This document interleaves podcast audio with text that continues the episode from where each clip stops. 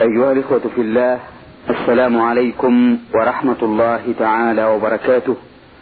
نحييكم بتحية الإسلام الخالدة التي نستهل بها لقاءنا مع سماحة الشيخ عبد العزيز بن عبد الله بن باز الرئيس العام لإدارات البحوث العلمية والإفتاء والدعوة والإرشاد. ويسعدنا أن نلتقي بسماحته وأن يكون ضيف لقائنا في هذه الحلقة الجديدة من برنامج نور على الدرب الذي يتولى فيها سماحته الإجابة مشكورا على أسئلتكم واستفساراتكم. أولا نرحب باسم السادة المستمعين بسماحة الشيخ عبد العزيز بن عبد الله بن باز. حياكم الله وبارك فيكم. الرسالة الأولى وصلت إلى البرنامج من الأخ فخري عبد الوهاب آل جعفر من الجمهورية العراقية محافظة الأنبار. يقول في رسالته وفي بدايتها بسم الله الرحمن الرحيم. إن الله سبحانه وتعالى قال في كتابه العزيز بسم الله الرحمن الرحيم. طعامكم حل لهم وطعامهم حل لكم. ولكن الذين يتخذون المسيح ابن الله وبقولهم هو ثالث ثلاثة الإبن والأب وروح القدس. هل يؤكل ذبحهم أم لا؟ أفيدونا أفادكم الله. بسم الله الرحمن الرحيم. الحمد لله رب العالمين والعاقبة للمتقين والصلاة والسلام على عبده ورسوله وأمينه على وحيه وصفوته من خلقه نبينا وإمامنا وسيدنا محمد بن عبد الله وعلى آله وأصحابه ومن سلك سبيله واهتدى بهداه إلى يوم الدين. أما بعد فالسائل لم يذكر الآية على لفظها؟ ولفظها يقول الله عز وجل اليوم أحيي لكم الطيبات وطعام الذين أوتوا الكتاب حل لكم وطعامكم حل لهم. فالله سبحانه وتعالى أحل لنا معشر الأمة المحمدية الطيبات من المآكل والمشارب والملابس وغير ذلك. وأحل لنا طعام الذين أوتوا الكتاب. والذين أوتوا الكتاب هم اليهود والنصارى. يقال لهم أهل الكتاب. فطعامهم حل لنا والطعام والذبائح كما قال ابن عباس وغيره. طعامهم ذبائحهم. فإذا ذبحوا إبلا أو بقرا أو غنما أو غيرها مما أباح الله من الصيود والدجاج ونحو ذلك فهو حل لنا. وطعامنا حل لهم. طعام المسلمين حل, لهم أيضا. وهذا كله إذا لم نعلم أنه ذبحوه على غير الشرع. أما إذا علمنا أنه أهلوا بغير الله فهو حرام علينا. لأن الله حرم ما أضل به لغير الله. إذا علمنا أن هذه الذبيحة ذبحوها للمسيح أو ذبحوها لأمه أو ذبحوها لآلهة المعبودة من دون الله لم تحل لنا. وهكذا إذا علمنا أنهم خلقوها خلقا ما ذبحوها خلقوها. فهم خلقا محرمة علينا. وهكذا إذا علمنا أنهم ذبحوها على طريقة أخرى غير شرعية فلا تحل لنا. كالوقيدة التي يضربونها بالعمود أو بغيره. بالصرع الكهربائي هذه لا تحل لنا. أما إذا كنا لا نعلم فذبيحتهم حل لنا. إذا جاءنا طعامهم من بلادهم أو جلبوه إلينا فإنا نشتريه ونأكله. إلا إذا علمنا أنهم فعلوه على غير الطريقة الشرعية يعني ذبحوه على غير الطريقة الشرعية. وإلا فالأصل أنه حل لنا بقول الله سبحانه وتعالى وطعام الذين أوتوا الكتاب حل لكم. وطعامكم حل لهم. هذا هو المعتمد في هذه المسألة. نعم. أحسن الله إليكم. السؤال الثاني في رسالة الأخ فخري عبد الوهاب آل جعفر من العراق محافظة الأنبار يقول فيه إذا دعونا الله سبحانه وتعالى وتضرعنا له بالدعاء وذكرنا في الدعاء أن يستجيب لنا سبحانه وتعالى بجاه نبينا محمد صلى الله عليه وسلم.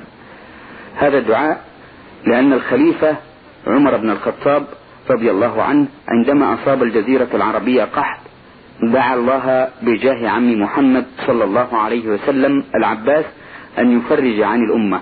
فهل هذا جائز أم لا؟ أفيدونا أفادكم الله. التوسل بجاه ليس بمشروع. وإنما المشروع التوسل بأسماء الله وصفاته. كما قال الله سبحانه ولله الأسماء الحسنى فادعوه بها. يعني يسأل الله بأسمائه. يقول الإنسان اللهم إني أسألك بأنك الرحمن الرحيم بأنك الجواد الكريم اغفر لي ارحمني. اهدني سواء السبيل ونحو ذلك. لأن الدعاء عبادة وقربة عظيمة. كما قال الله سبحانه ادعوني أستجب لكم. وقال عز وجل وإذا سألك عبادي عني فإني قريب أجيب دعوة الداء إذا دعاني الآية. فيقول النبي صلى الله عليه وسلم الدعاء هو العبادة. فيقول صلى الله عليه وسلم ما من عبد يدعو الله بدعوة ليس فيها إثم ولا قطيعة رحم إلا أعطاه الله بها إحدى ثلاث. إما أن تعجل له دعوته في الدنيا وإما أن تدخل له في الآخرة. وإما يصرف عنه من الشر مثل ذلك. قالوا يا رسول إذا نكثر. قال الله أكبر. فالمسلم إذا دعا وتضرع إلى الله فهو على خير عظيم. مأجور ومثاب وقد تعجل دعوته وقد تؤجل لحكمة بالغة. وقد يصرف عنه من الشر. ما هو أعظم من مسألة سأل لكن لا يتوسل إلى الله إلا بما شرع. بأسمائه سبحانه وصفاته أو بتوحيده سبحانه كما في الحديث. اللهم إني أسألك بأني أشهد أنك أنت الله لا إله إلا أنت الأحد الصمد. أو بأعمالك الصالحة تقول يا ربي أسألك بإيماني بك وإيماني بنبيك محمد عليه الصلاة والسلام.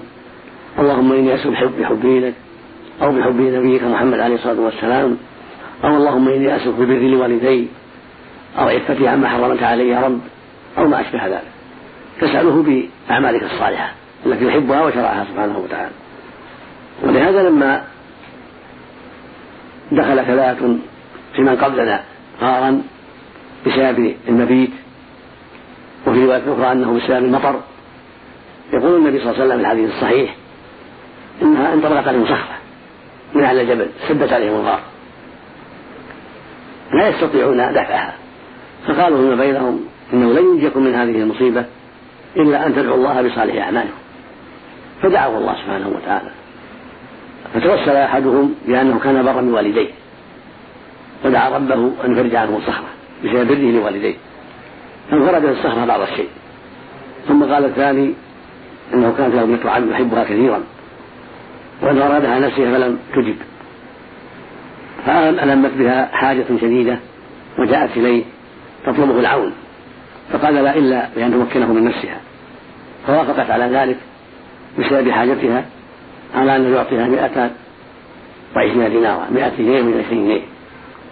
فلما جلس بين رجليها قالت له اتق الله ولا تفض الخاتم إلا بحقه فخاف من الله وقام وترك الفاحشة وترك الذهب لها. ثم قال يا ربي اللهم إن كنت تعلم. أني فعلت هذا ابتغاء وجهك فاخرج عنا ما نحن فيه. فانفرجت الصخرة عن بعض الشيء لكنه لا يستطيع الخروج. ثم توسل الآخر بأداء الأمانة وأن كان له كان عنده أمانة لبعض الأجراء فنماها وثمرها حتى اشترى منها إبلا وبقرا وغنما ورقيقا وكانت أصل من أرز أو من ذرة. ثم جاءه الأجير يسأله حقه فقال له كل هذا من حقك كل هذا ترى من حقك من إبل وبقر وغنم ورقيق. فقال له الأجير اتق الله ولا تستهزئ بي قال إني لا أسهر به هو مالك فأخذه كله. فقال الرجل اللهم إن كنت تعلم أني فعلت هذا ابتغاء وجهك فافرج عنا ما نحن قال النبي صلى الله عليه وسلم فرج عنهم السهرة وخرجوا هذا بأسباب إيمانهم بالله وتوسلهم إليه بأعمالهم الصالحة. الوسيلة الشرعية هي التوسل بأسماء الله وصفاته أو بتوحيده والإخلاص له أو بالأعمال الصالحات. هذه الوسيلة الشرعية التي جاءت بها النصوص. أما التوسل بجاه فلان أو بحق فلان هذا لم يرد به الشرع ولهذا ذهب جمهور العلماء إلى أنه غير مشروع. فلولا تركه. وأن يتوسل الإنسان بالوسائل الشرعية التي جاء اسمه الله وصفاته أو بتوحيده أو بالأعمال الصالحات هذه الوسائل الشرعية التي جاءت بها النصوص. وأما ما فعله عمر رضي الله عنه فهو لم يتوسل بجاه العباس. وإنما توسل بدعائه. قال رضي الله عنه لما خطب الناس في يوم الاستسقاء لما أصابتهم المجاعة والجدب الشديد والقحط صلى بالناس صلاة الاستسقاء وخطب الناس. قال اللهم إنا كنا إذا أجلبنا نتوسل لك بنبينا فتسقينا وإن نتوسل لك بعم نبينا فأسقنا فيسقون. كانوا يتوسلون بالنبي صلى الله عليه وسلم في حياته يقول ادعو لنا. فيقوم يدعو لهم. يخطب الناس يوم الجمعة ويدعو. يقول اللهم أغثنا اللهم أغثنا وهكذا في صلاة الاستسقاء. يتوسل بدعائه جل وعلا دعاء النبي صلى الله عليه وسلم لربه جل وعلا وسؤاله الغوث وهكذا قالوا قال للعباس يا عباس قم فادعو ربنا فقام العباس ودعا ورفع يديه ودعا الناس وأمنوا. فسقهم الله عز وجل. فهو دعاء فهو توسل بعم عم النبي صلى الله عليه وسلم بدعائه واستغاثته ربه عز وجل وسؤاله إياه سبحانه وتعالى. لفضل العباس وقربه من رسول الله صلى الله عليه وسلم فهو عم رسول الله صلى الله عليه وسلم من أفضل الصحابة ومن خير الصحابة رضي الله عن الجميع. فإذا توسل المسلمون بالصالحين من الحاضر عندهم بدعائهم بأن يقول يا فلان يقول الإمام أو غير الإمام كولي الأمر يا فلان قم فادعو الله من العلماء الطيبين والأخيار الصالحين أو من أهل بيت النبي الطيبين. وقالوا في الاستسقاء قوم يا فلان فادعو الله لنا مثل ما قال عمر العباس هذا كله طيب. أما التوسل بجاه فلان هذا لا أصل له الذي ينبغي تركه يكون من البدع. والله جل وعلا أعلم. نعم. أحسن الله إليكم. السؤال الثالث والأخير في رسالة الأخ فخري عبد الوهاب آل جعفر يقول فيه إذا حج شخص عن أحد المسلمين بالنيابة وأعطاه وليه مبلغا من المال وبقي قسم من المبلغ هل يجوز أن يتصرف به علما بأنه قد سامحه به أم يرجعه؟ أجيبونا بارك الله فيكم وجزاكم عن المسلمين كل خير. نعم إذا أعطاه المال ليحج به وسامحه البقية فلا بأس. يتصرف فيه كيف يشاء. ينفق منه والباقي يصرف في حاجاته. أما إذا أعطاه مالا وقال له أنفق منه في حاجاته ورد الباقي فإنه ينفق منه في حاجاته من غير إسراف ولا تبذير ثم يرد الباقي. أما إذا كان أعطاه المال وقال هو لك سواء بقي من شيء أو بقي من شيء لك. وسامحه في الباقي فهذا لا حاجة إلى رده. هو ماله يتصرف فيه إذا أدى الواجب. نعم. أحسن الله إليكم. هذه رسالة وصلت إلى البرنامج من المستمعة أم عبد الله من الرياض. تقول في رسالتها وفي سؤالها الأول هل يجوز لمس الكتاب الذي توجد فيه آيات قرآنية وأحاديث نبوية من قبل المرأة التي عليها عادة أو جنابة. أفيدونا أفادكم الله. نعم لا بأس بذلك. لا بأس أن تلمس المرأة.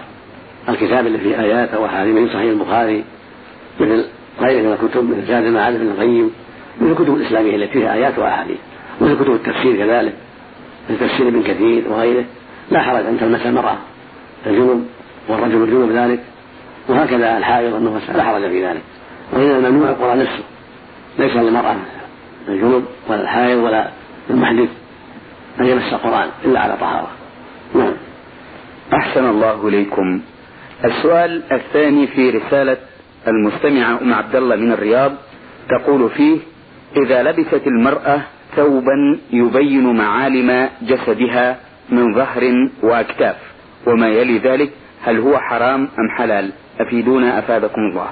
إذا كان الثوب ضيقا يبدي حجم أعضائها وعورتها لم يجوز.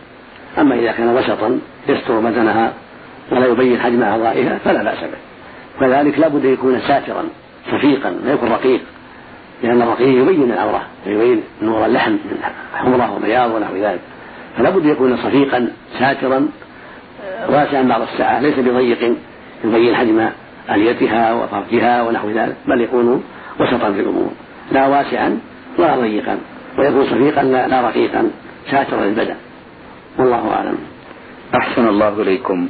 السؤال الثالث في رسالة الأخت أم عبد الله من الرياض تقول فيه هل ظهور الذراعين من وراء العباءة مع العلم بأنهما عاريتين حلال أم حرام؟ أفيدونا أفادكم الله. لا عورة. الذراعان عورة والكفان عورة عند جمع من العلم أيضا. لكن الذراعان أشد فالواجب سترهما بغير العباءة لكن العباءة رقيقة تبين ما وراءها فلا بد من سترها بغير ذلك كقميص ونحو نعم. أحسن الله إليكم. السؤال الرابع والأخير في رسالة المستمعة أم عبد الله من الرياض تقول فيه هل قص الشعر حرام أم حلال؟ أفيدونا أفادكم الله.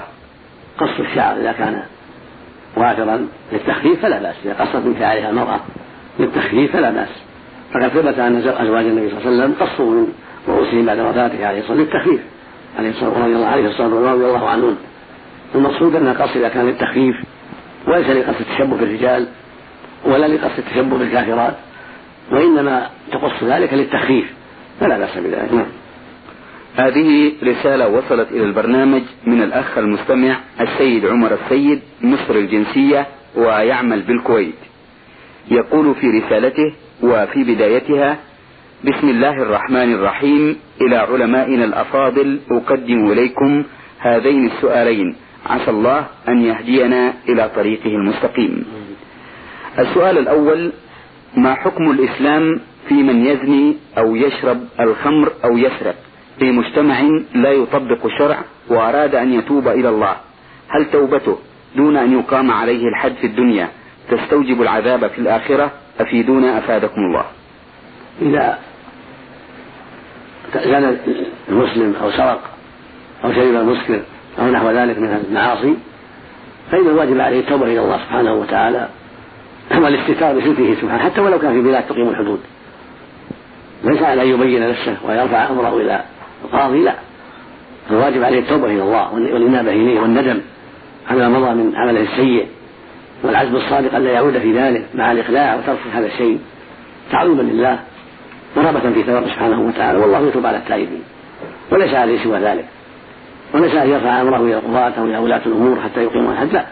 حتى ولو كان في بلاد تقيم الحدود. بل يستتر بستر الله. مثل ما أمر النبي معه يستتر بستر الله لما جاء إليه يعترف.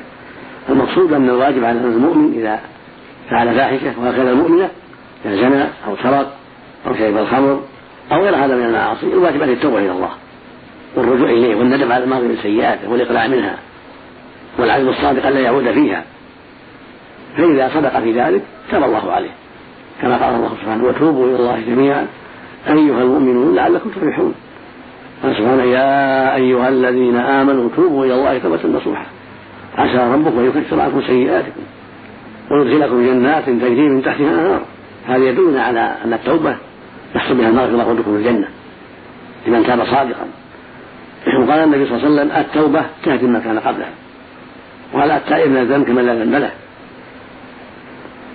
فعلى المسلم أن يتقي الله عز وجل دائما وان يحاسب نفسه وهكذا المسلمه عليها أن تتقي الله دائما وتحاسب نفسها في جميع المعاصي. ثم البدار والمسارعة إلى الندم التوبة الصادقة في الاقلاع من الذنب وتركه خوفا من الله وتعظيما له والندم على سائق منه والعزم الصادق لا يعود فيه. وإن كان هناك مظالم بان ظلم احدا في دمه أو في ماله أو في بشرته أو في أرضه فالواجب في ذنبه تحلله من ذلك أو إعطائه حقه. ولا تتم التوبة من حق المخلوق إلا بذلك. إما يعطيه حقه وإما يستحله. وبذلك تحصل التوبة. نعم. أحسن الله إليكم. السؤال الثاني في رسالة السيد عمر السيد مصر الجنسية ويعمل بالكويت يقول فيه عقدت قراني على إحدى النساء بعد إعطائها المهر أي الصداق. وأردت أن أدخل بها فرفض أبوها حتى أجهز لها ثلاث غرف كاملة. وأنا لا أستطيع ذلك فهل يجوز لي أن أدخل بها دون علم أبيها؟ أفيدونا أفادكم الله. ليس لك ذلك. ليس لك الدخول بها إلا بعلم أبيها وأهلها لئلا تتهم بالشر ولئلا يقع بينكما فتنة. فالواجب عليك أن تنفذ ما قاله أبوها أو تحتكم معه إلى الشرع إلى القول الشرعي. وأما أن تخالف ذلك وتخلو بها وتصل بها وحدكما لا. لأن هذا يسبب شرا كثيرا وفتنا كثيره وعواقب وخيمة. الواجب عليك الصبر وحل المشاكل بالطريقة الحسنة بالتفاهم مع والدها بتوسيط بعض المصلحين حتى يصلحوا بينكم. فإذا لم يتيسر الصلح فبالترافع إلى القاضي الشرعي حتى يحل يحل المشكلة التي بينكم. هذا هو الواجب عليه. نعم. أحسن الله إليكم. هذه رسالة وصلت إلى البرنامج من الأخ صالح سعد العوفي المدينة المنورة حي سيد الشهداء. يقول فيها بسم الله الرحمن الرحيم. أرجو من فضيلتكم إجابتي على هذه الأسئلة. السؤال الأول إذا أفطرت في رمضان وأنا على سفر ثم وصلت محل إقامتي بعد العصر فهل يجوز لي الأكل والشرب في محل إقامتي أم لا؟ أفيدونا أفادكم الله. إذا كانت الإقامة لمدة أربعة أيام فأقل فلك أن تأكل وتشرب لأنك مسافر.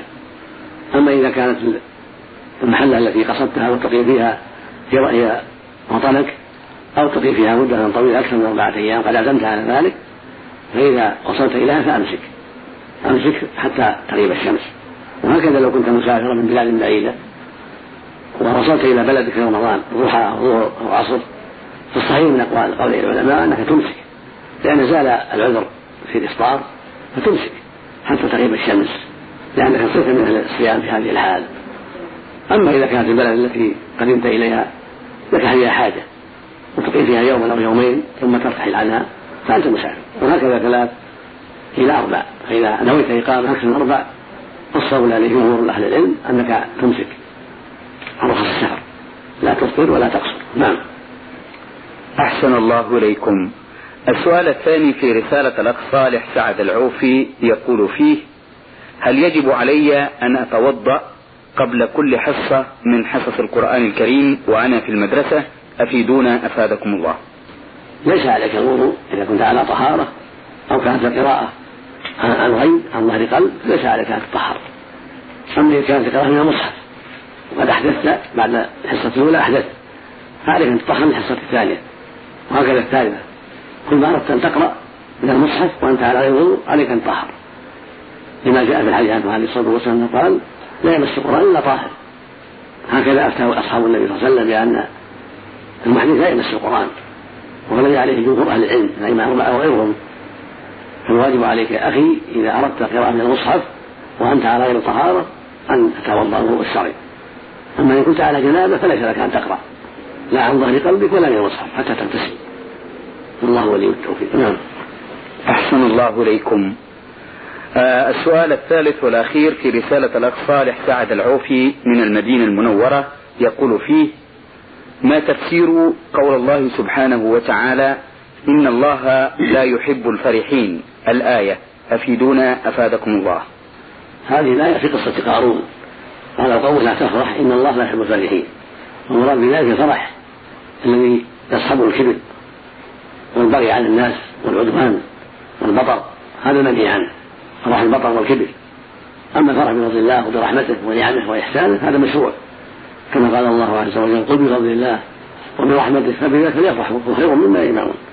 كل مؤمن يفرح؟ إن الله هداه الإسلام وان الله اعانه على الصلاة في الجماعة وإن الله اعانه على بر والديه وصله ارحامه واعانه على فعل الخير هذا مشروع. ينبغي أن يفرح بذلك. ويسر بل يجب أن يفرح بذلك ويرتبط بهذا ويحمد الله على ذلك.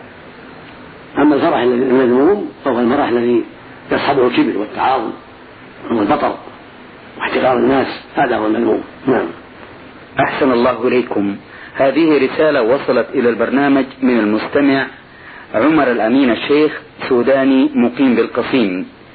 يقول في رسالته بسم الله الرحمن الرحيم. أرجو الإجابة على سؤالي هذا.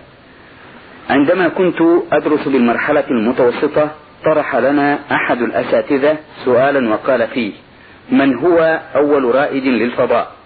فأجبنا على سؤاله بأنه سوفيت الجنسية. وقال لنا الأستاذ الإجابة خطأ. إن أول رائد للفضاء هو نبينا محمد صلوات الله وسلامه عليه. عندما عرج به إلى السماوات وكانت مركبتهم البراق. هل هذا صحيح؟ أفيدونا أفادكم الله. لا نعلم. شيئا في الموضوع؟ غير ما ذكره المجيب فإننا لا نعلم أحدا عرج به إلى السماء من عليه الصلوات الخمس سوى نبينا عليه الصلاة والسلام عرج به إلى السماء السابعة. حتى كان فوقها وحتى سمع كلام الرب عز وجل.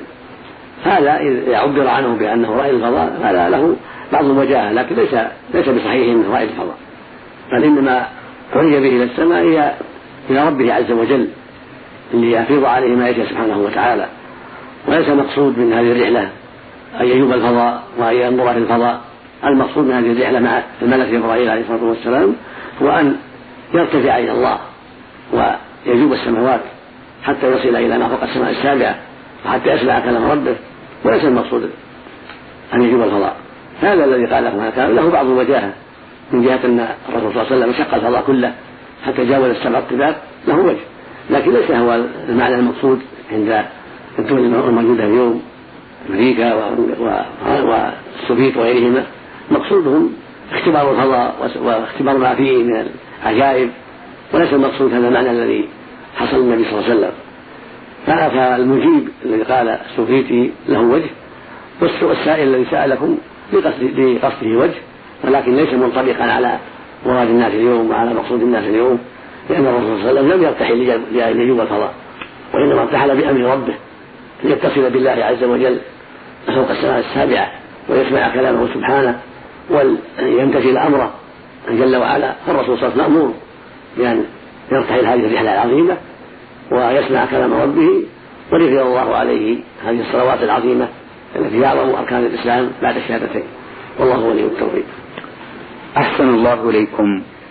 أيها الإخوة في الله باسمكم جميعا نشكر سماحة الشيخ عبد العزيز بن عبد الله بن باز الرئيس العام لإدارات البحوث العلمية والإفتاء والدعوة والإرشاد على هذا اللقاء في برنامج نور على الدرب الذي أجاب فيه سماحته مشكورا على أسئلة الإخوة المستمعين المستمع فخري عبد الوهاب آل جعفر العراق محافظة الأنبار المستمع أم عبد الله من الرياض المستمع السيد عمر السيد مصر الجنسية ومقيم بالكويت المستمع صالح سعد العوفي المدينة المنورة حي سيد الشهداء وأخيرا رسالة المستمع عمر الأمين الشيخ سوداني مقيم بالقصيم. أيها الإخوة الأكارم شكرا لكم على حسن إنصاتكم ومتابعتكم للبرنامج وإلى لقاء آخر إن شاء الله من لقاءات الخير والبركة والسلام عليكم ورحمة الله وبركاته.